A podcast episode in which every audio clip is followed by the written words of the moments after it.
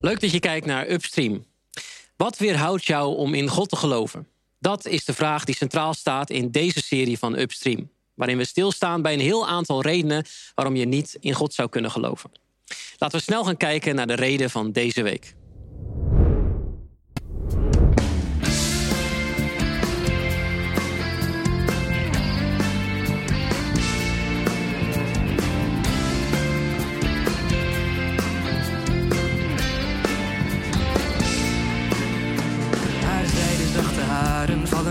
Langs haar gezicht. Amper 18 jaar, maar zoveel ouder in het licht. Iedereen danst om haar heen, maar niemand komt dichtbij. Misschien een uur, misschien een nacht, maar altijd blijft ze vrij. Totdat de ochtend haar weer nieuwe kansen brengt. Zal ze naast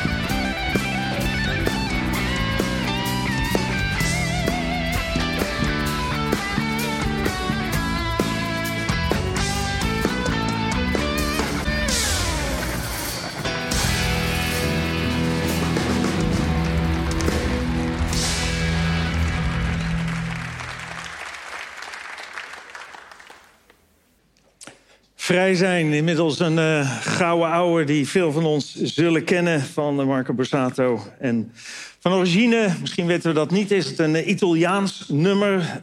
Sempre, altijd betekent dat. En op de melodie van dit nummer schreven John Eubank en Jan Tekstra voor Marco Borsato het nummer Vrij zijn. Dat in 95 is het alweer uitkwam op zijn album Als Geen Ander. Ja, het nummer gaat over, en dat heb je misschien wel meegekregen, eh, natuurlijk over vrij willen zijn, maar het gaat over een jonge dame, amper 18 jaar kwam in de tekst voorbij, die veel waarde hecht aan vrijheid. Die ze zich waarschijnlijk losmakend van haar ouders eh, verworven heeft. Vrij zijn kwam er in de tekst eh, voorbij. Ze wil alleen maar vrij zijn, onbezorgd en vrij zijn. Ze wil het leven proeven zonder regels of gezag. Juist al die dingen doen die bijna niemand anders mag. Nou, vrijheid wordt meestal gezien, dat is een beetje de definitie ervan, als de mogelijkheid om te doen en te laten wat men wil, terwijl een ander dat ook kan, zowel in lichamelijke als in geestelijke zin. Nou, we zijn allemaal jong geweest, dus die hang naar vrijheid kennen we denk ik allemaal wel. En misschien ben je nog heel erg jong en zit je hier en droom je daar juist van, van die vrijheid die je ooit gaat krijgen. In ieder mens schuilt dat verlangen naar vrijheid, naar zelf doen. Dat begint al als je peuter bent of als je kleine kinderen hebt, weet je dat als ze klein zijn. Ze willen het zelf doen. Ik wil het zelf doen. Dat begint jong en gaat door als we ouder worden. Zelf bepalen wat we doen. Autonomie is, staat hoog in het vaandel in het, uh, Europese, uh, op het Europese continent en eigenlijk in de hele westerse wereld wel. Autonomie, samenvoeging van auto en nomos, zelf tot wet zijn. En nomos betekent wet, zelf de wet bepalen. Nou, we zijn bezig met de serie Reden genoeg om niet in God te geloven. En een reden die veel voorbij komt, heeft te maken met die hang naar vrijheid. De Bijbel en de kerk wordt vaak geassocieerd met... je mag niet meer wat je graag wilt en je moet wat je niet wilt. En vandaar dat het voor veel mensen reden genoeg is om niet in God te geloven. Op de flyer van deze serie stond onder andere... in deze serie dagen we je uit om alle redenen om niet in God te geloven... te overdenken, te overwegen. Welke redenen staan er na deze serie voor jou nog overeind? Nou, we hopen natuurlijk geen enkele. Dat, dat mogelijke, mogelijke blokkades die je hebt om, om te overwegen of te onderzoeken weg worden genomen en je misschien open wilt staan voor de optie dat God echt bestaat. Nou, thema is vandaag: Ik geloof niet in God, want dan moet je zoveel en mag je zo weinig. Het streven naar vrijheid heeft in Europa aan het einde van de 18e eeuw, vanwege de zogenaamde Franse Revolutie, een behoorlijke impuls gekregen, een behoorlijke zet in die richting. De macht van de monarchie, de heersende vorstenhuizen uit die tijd en de macht van de kerk werden omvergeworpen en de republiek werd geboren. Op Wikipedia las ik de oude ideeën van absolutisme, onbeperkte alleenheerschappij is dat. En aristocratie, de macht van de adel of de macht van de aanzienlijken en de macht van de kerk werden vervangen door principes die werden vervat onder de slogan liberté, égalité en fraternité. Oftewel vrijheid, gelijkheid, broederschap. De Franse Revolutie heeft verstrekkende en blijvende veranderingen teweeggebracht in Frankrijk, die zich verspreiden, het is daar niet gebleven, over de hele wereld. De moderne mens wil zich in navolging van deze revolutie niet laten beperken in zijn vrijheid. En dat is voor velen een reden geworden om ook God, de Bijbel en de kerk terzijde te schuiven of niet eens te overwegen. De evolutieleer heeft dat effect een halve eeuw later eigenlijk nog versterkt. Want niet alleen zou vrijheid de weg zijn van geluk, maar ook werd daar betoogd dat, dat God niet hoeft te bestaan als verklaring voor alles wat er is. De vraag is, heeft deze vrijheid ook broederschap voortgebracht? Is de wereld er sindsdien dan ook echt beter en mooier op geworden? Liefdevoller op geworden? Zijn we minder egoïstisch geworden en meer gericht geraakt op die echte verbroedering die als slogan in de Franse revolutie naar voren kwam? Nou, die vraag hoef ik denk ik niet eens te beantwoorden. De Europese samenleving is steeds verder aan het verharden, juist. Aan het verhufteren, wordt ook wel eens gezegd. We zijn steeds individualistischer geworden en steeds egoïstischer geworden. Ik, ik, ik en de rest kan. Precies. Het gaat niet zo heel goed met die verbroedering. Het lijkt erop dat vrijheid en gelijkheid deze verbroedering eerder in de weg staat dan dat het erdoor wordt bevorderd. En met name denk ik dat de mens, sinds hij zich heeft losgemaakt van God en gebod, in een vrije val van ellende is beland. Dat is mijn persoonlijke visie, dat hoef je niet te delen, je hoeft het niet met me eens te zijn. Maar ik denk dat wel heel duidelijk waar te nemen. Om er iets te noemen waarvan ik denk dat hier rechtstreeks mee samenhangt, is de toestand van de psyche van de mens. Een aantal artikelen die ik tegenkwam, eentje stond boven steeds meer mensen kampen met psychische klachten. Hoe komt dat? Nou, ik denk dat dat daar dus direct mee samenhangt. Dat er een duidelijk kausaal verband is tussen deze beweging en deze gevolgen. Onder jongeren zijn psychische klachten een ware epidemie aan het worden. In artikel stond nog nooit zoveel jongeren gedwongen in psychiatrie opgenomen, zelfs kinderen jonger dan 12. En dat zagen we ook al een poosje geleden toen het ging over stress, dat kinderen van jonger dan 12 al met burn-out klachten kunnen thuiskomen te zitten. Een ander uh, artikel las ik in de psychologie van uh, psychologie magazine Jong en uitgeschakeld. Wat is er aan de hand? Er staat steeds meer jongeren voelen zich depressief, gestrest en angstig. Heeft alle aandacht voor psychische gezondheid misschien juist een averechts effect? Verderop in het artikel stond... een kwart van de 18 tot 34-jarigen heeft last van serieuze stressklachten. Bleek onlangs uit een onderzoek van TNO. En de ernst daarvan neemt toe.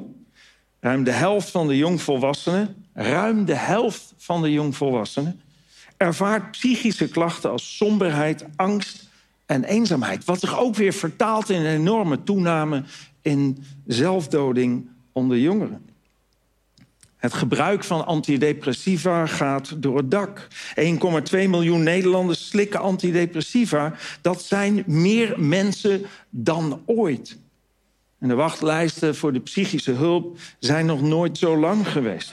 Op zoek, naar, op zoek naar psychische hulp las ik gelieve 100 dagen te wachten.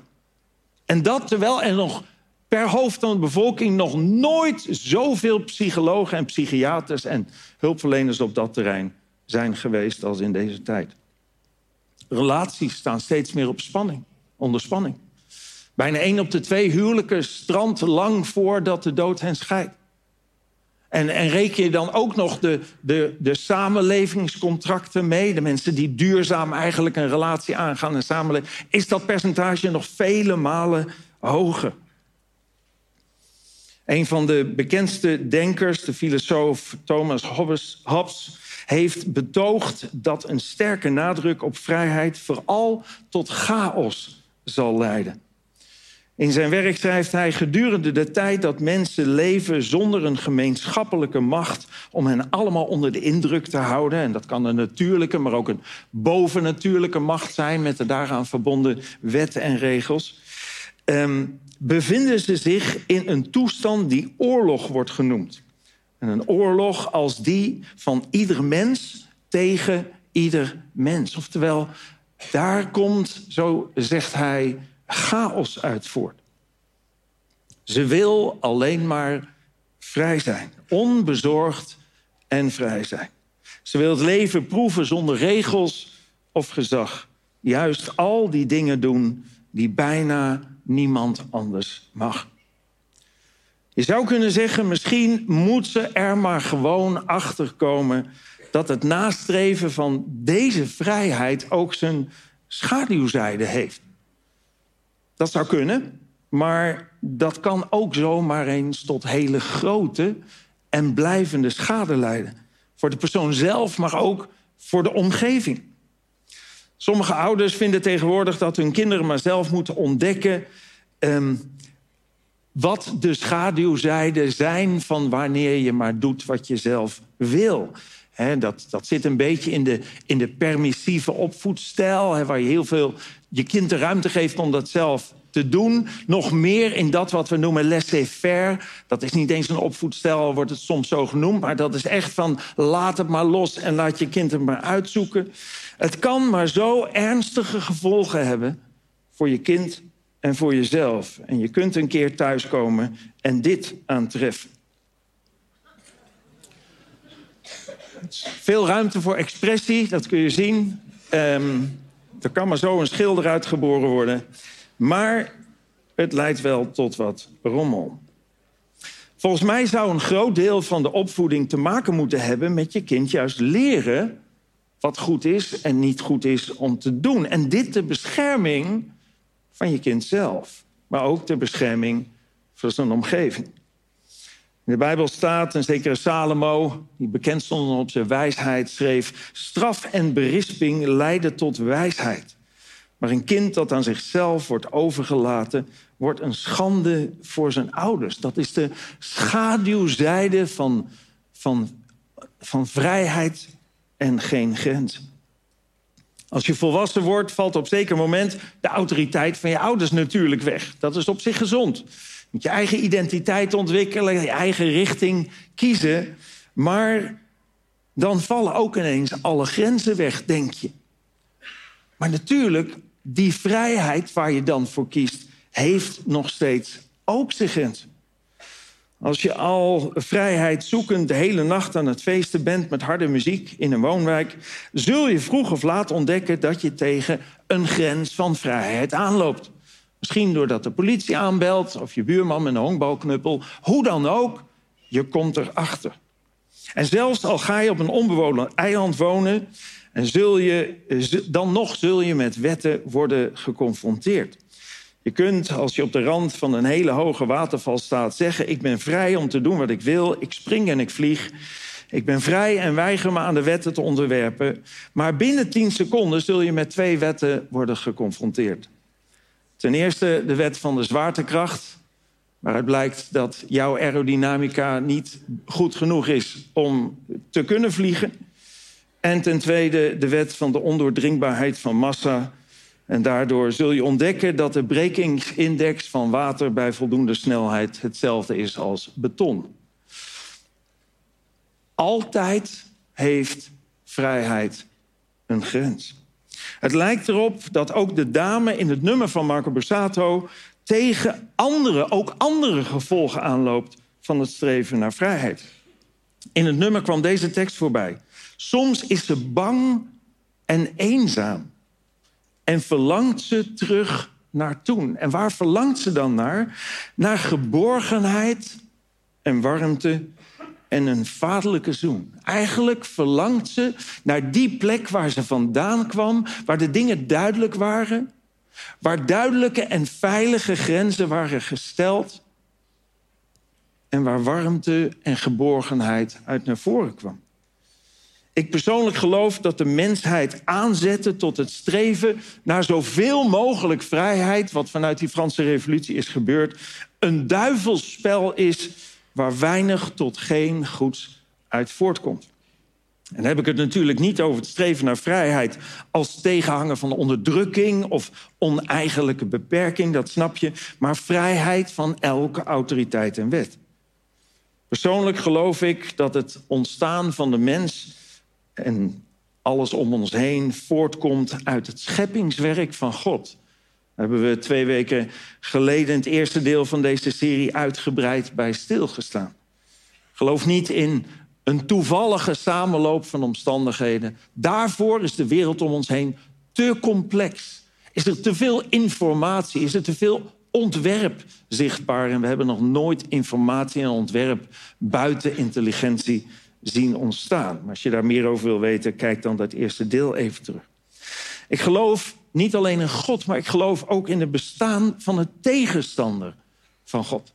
Daar komen we de toekomst nog wel eens op en het verleden wel opgekomen. Waar komt dat dan vandaan en hoe zit dat dan?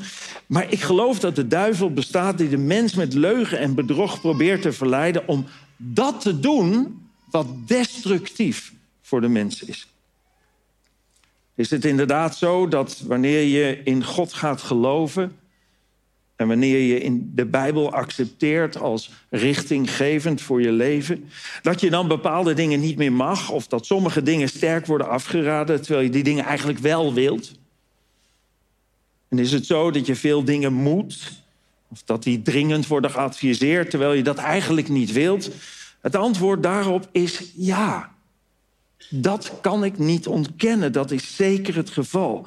Maar de vraag is waarom? Waarom worden deze grenzen aangegeven? Deze adviezen gegeven? Je zou zelfs kunnen zeggen, daarmee maakt God zichzelf niet populair. En dat kan zo zijn, maar dat wil niet zeggen dat het niet goed is. De drijfveer voor God, zoals je hem in de Bijbel tegenkomt, om ons deze kaders voor het leven mee te geven, deze leefregels, is niets anders dan liefde. Het goede voor hebben met jou en mij. God weet, geloof ik, als geen ander wat goed is voor ons en wat nodig is om ons te beschermen tegen de leugens en de verleidingen van het kwaad. Jezus zei ooit toen hij op aarde rondliep: De duivel kan niets goeds doen, want er is helemaal geen waarheid in hem. Hij is een leugenaar en kan niets anders dan liegen. Hij is de bron van alle leugens. En een van die leugens is ons doen geloven dat het streven naar vrijheid de weg naar geluk is. De oplossing van al je verlangens.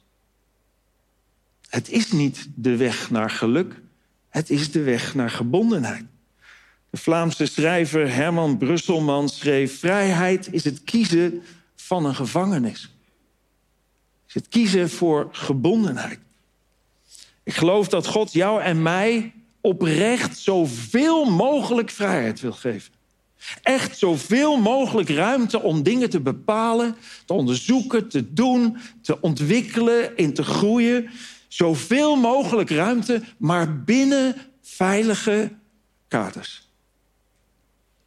Een zekere koning David, hij leefde duizend jaar voor Christus, omschreef heel mooi in een van de nummers die hij schreef. En dat nummer is in de Bijbelse top 150 terechtgekomen. Hij was namelijk naast koning ook muzikant en singer-songwriter, zoals wij dat tegenwoordig zouden noemen. Hij omschreef heel mooi in een van zijn nummers zijn grote enthousiasme over Gods regels.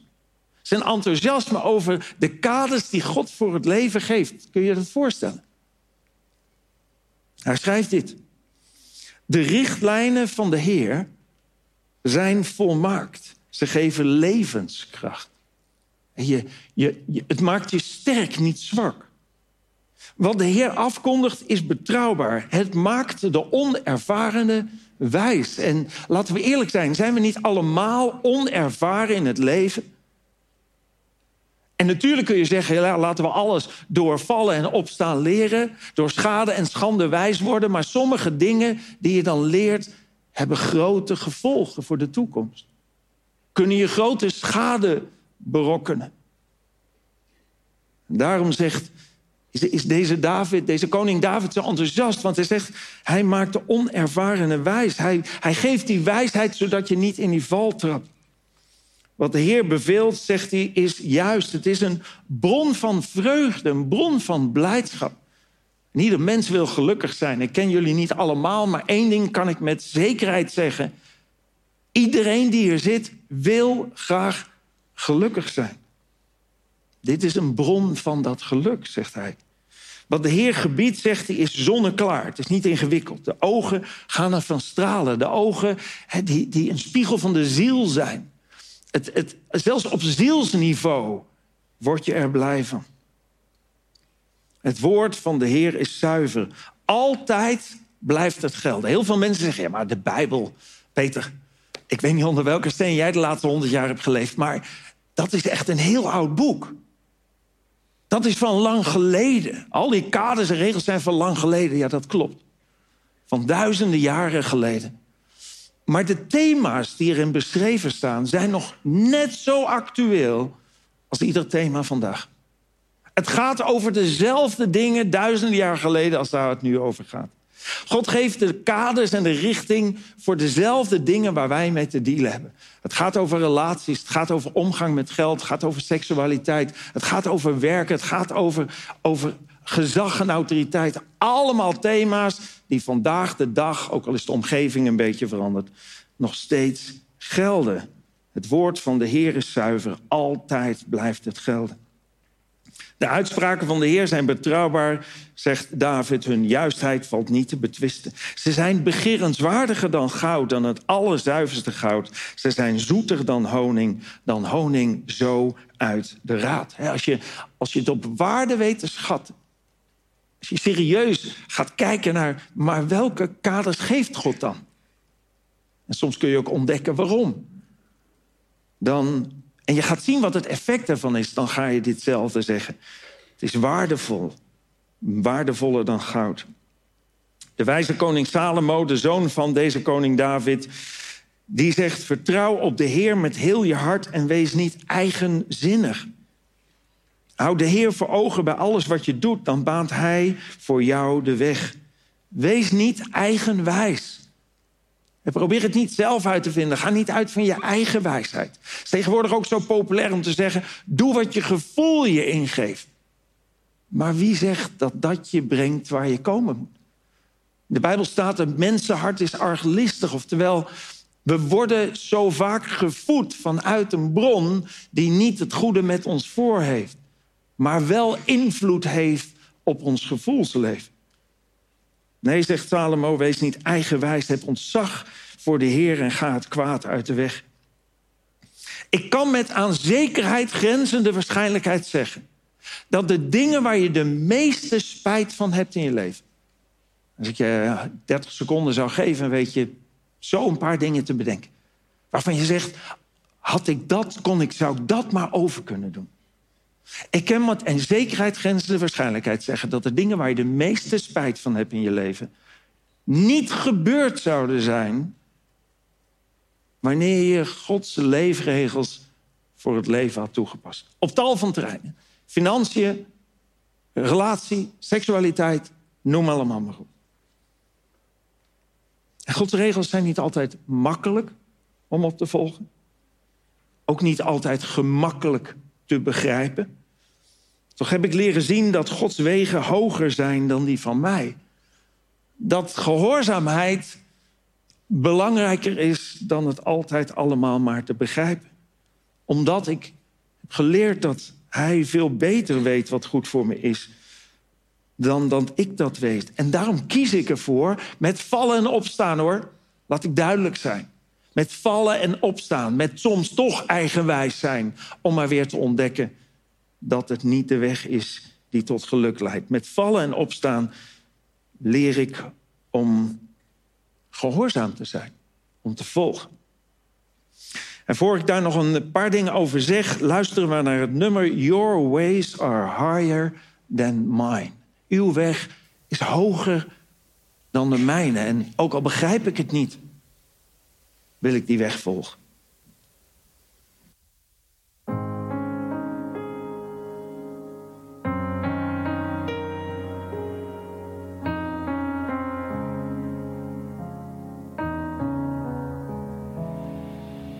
It's not what I prayed for.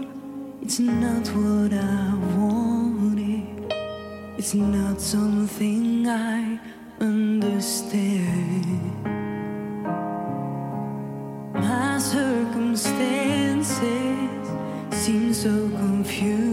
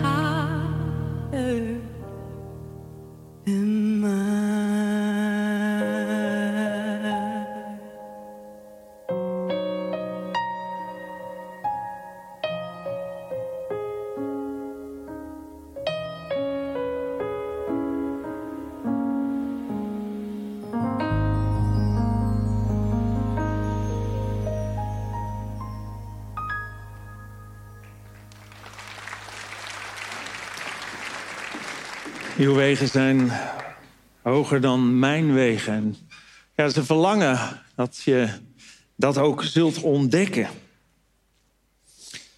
Het negeren van Gods leefregels, wat de Bijbel zonde noemt, heeft een nog veel groter probleem veroorzaakt. De Bijbel staat: alle mensen hebben gezondigd en missen daardoor Gods nabijheid. Door onze handel en wandel, zegt de Bijbel, in navolging van de verleidingen van het kwaad en vanuit de begeerte die in ons is, is er een breuk tussen God en de mens ontstaan. Een onoverbrugbare kloof die een leegte veroorzaakt, die we voelen, die we ervaren, ook al schrijven we het niet altijd meteen aan het, aan het missen van God toe, misschien weten we dat niet eens die een leegte veroorzaakt, die we dan vervolgens op tal van manieren proberen te vullen. Maar zonder succes. Wat we ook proberen. Of het nou is in, in, in leuke dingen kopen, of mooie dingen doen, of een nieuw huis, of een nieuwe vrouw, of een nieuwe man, of een nieuwe auto, of, of, of alcohol, Noem maar op. We proberen op tal van manieren die leegte te vullen... om iedere keer te ontdekken dat de houdbaarheid, houdbaarheidsdatum... van het geluk wat we even weten te pakken... heel kort is en zo weer weg is. En God had kunnen zeggen, ik had je gewaarschuwd. God heeft ieder mens een geweten gegeven, geloof ik. Dus dat je zondigde, heb je geweten. Zelfs al heeft niemand het je verteld. God had kunnen zeggen, eigen schuld. Je eigen keuze, je eigen vrije wil die je hebt gebruikt om deze weg te bewandelen. Maar de liefde van God is zo groot en zijn verlangen om een relatie met jou en mij te hebben als zijn, zijn schepsel, als zijn kinderen. Zo groot dat hij bereid was om zelfs de prijs voor onze fouten en tekortkomingen te betalen. De Bijbel staat, God houdt zoveel van de mensen. En dan kun je je eigen naam invullen. God houdt zoveel van jou en mij. Dat hij zijn enige zoon aan hen heeft gegeven. Iedereen die in hem gelooft. Iedereen die aanvaardt dat hij de prijs betaalde voor mijn fouten en jouw fouten en tekortkomingen. Iedereen die ervoor kiest om hem te volgen en te gehoorzamen, zal niet verloren gaan, maar zal het eeuwig leven hebben. Zal verder gaan over de grens waar het leven zal zijn zoals God het heeft bedoeld. Waar geen dood en pijn en verdriet en oorlog en dergelijke meer zal zijn. Ander gedeelte in de Bijbel staat: God nam Christus, die geen zonde gedaan had, en belastte hem met onze zonde. Plaatsvervangend. In ruil daarvoor rekent God de rechtvaardigheid van Christus aan ons toe. Als jij erkent dat je Gods wetten van liefde met voeten hebt getreden en accepteert dat Jezus voor jou de prijs voor de zonde heeft betaald en wanneer je ervoor kiest, zoals ik net al zei, om Hem te volgen en te gehoorzamen, ontvang je nieuw leven. Ontvang je ook, zoals het in de Bijbel staat, zijn geest. Dat betekent dat je opnieuw met God verbonden wordt. De bron van liefde, de bron van leven. En dan blijft er nog maar één wet over. En daarin ligt eigenlijk alles besloten van alle overige richting die God in de Bijbel geeft maar één wet over waar alles in besloten ligt om gelukkig te worden en om gelukkig te maken. Heb de Heer, staat er in Lucas, heb de Heer uw God lief met heel uw hart en met heel uw ziel, met inzet van al uw krachten en met heel uw verstand. En heb uw naaste lief als uzelf. De wet van liefde is de enige wet die eigenlijk alles samenvat wat God aan ons als kaders in het leven geeft. En door te gaan geloven raak je je vrijheid niet kwijt, maar ontvang je juist de vrijheid zoals je het nog nooit in je leven hebt ervaren. Die tekst wil ik afsluiten. Er staat op dat wij waarlijk oprecht echt vrij zouden zijn, heeft Christus ons vrijgemaakt. En die vrijheid is voor iedereen beschikbaar. Ook voor jou. Ik wil graag dit afsluiten met gebed. Heer God, ik wil u zo danken. Dat u zoveel wijsheid en rijkdom in uw woord in de Bijbel heeft gelegd. Heer God, en misschien zitten we hier in de zaal, misschien kijken we dit in een upstream café of op Family 7. Misschien luisteren we dit via een podcast of zien we het op de website. Ja, misschien staan we er heel ver vandaan. Is, is er nog een zoektocht? Heer, ik wil u bidden of u ons hart wilt aanraken. Of u de harten wilt aanraken van mensen die hier zitten, luisteren, kijken. Met uw waarheid. Ik kan getuigen vanuit mijn eigen leven dat de onbegrensde vrijheid die de wereld wil bieden, geen vrijheid, maar gebondenheid geeft. Geen geluk, maar ongeluk dat de kaders die u geeft voor het leven en uw liefde onze echte vrijheid doen ervaren. Veiligheid, geborgenheid. En ik wil u zo bidden, Heer, dat als dit misschien nog ver van ons afstaat, dat we ja, hiervoor open willen staan, op onderzoek willen uitgaan. U zegt, wie mij zoekt, zal mij vinden. Heer, er is zoveel negativiteit, zoveel egoïsme, zoveel eenzaamheid, depressie. Heer, zoveel dingen die niet nodig zijn. Heer, wilt u ons helpen om de weg naar u te vinden? Wilt u ons hart aanraken? Zodat we mogen ontdekken dat u waarheid bent. En wilt u ons helpen open te staan voor de optie dat u echt leeft, van ons houdt en het goede met ons voor heeft. Heer, dat vraag ik niet omdat we daar recht op hebben. Niemand verdient het. Alles wat we van u krijgen is genade, onverdiende gunst. Maar ik vraag het u omdat ik weet dat u een genade God bent. Dank u wel daarvoor. In Jezus' naam. Amen.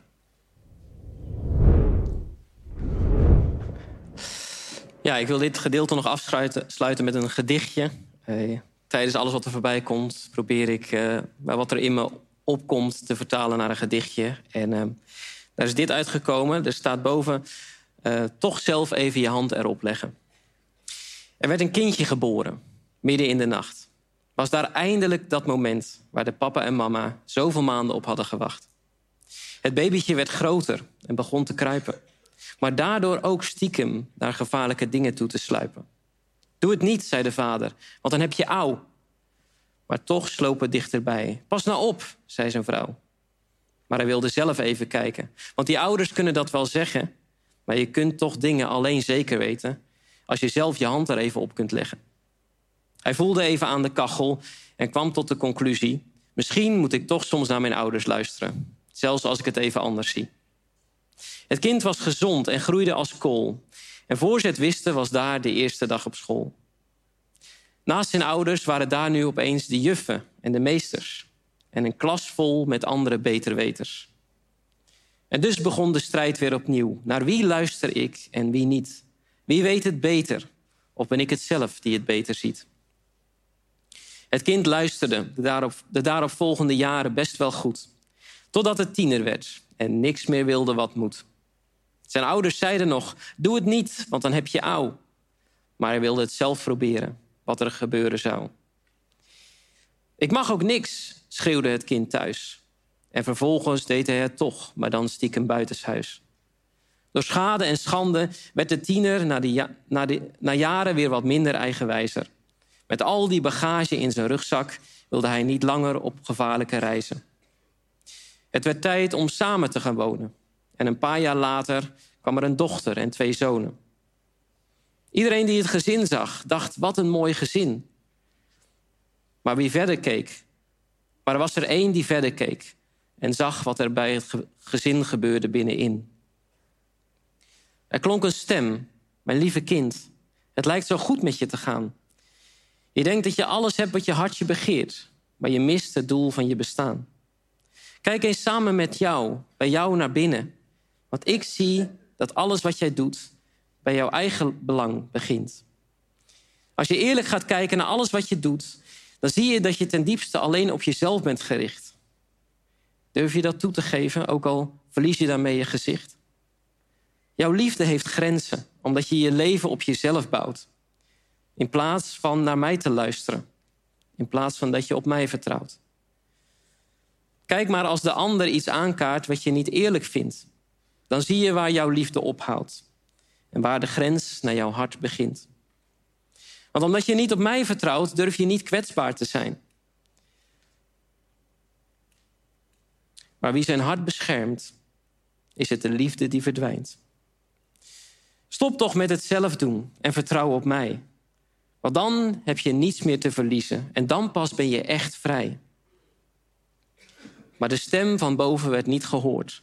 Want zo'n stem kan dat wel zeggen, maar je kunt dat toch alleen ontdekken als je zelf je hand erop kunt leggen. En aan het einde van het leven kwam hij bij de hemelpoort. De deur stond wagenwijd open, maar er stond wel een bordje voor. Je bent ontzettend welkom, maar ga niet op die weg die de andere kant op gaat. Want de beste plek is hier, als je hier naar binnen gaat. Hij dacht even na en dacht: Dit bordje kan dat wel zeggen, maar ik ga toch die andere weg. Want ik geloof dat je alleen iets kan ontdekken als je zelf je hand erop kunt leggen. Oh, dat was het.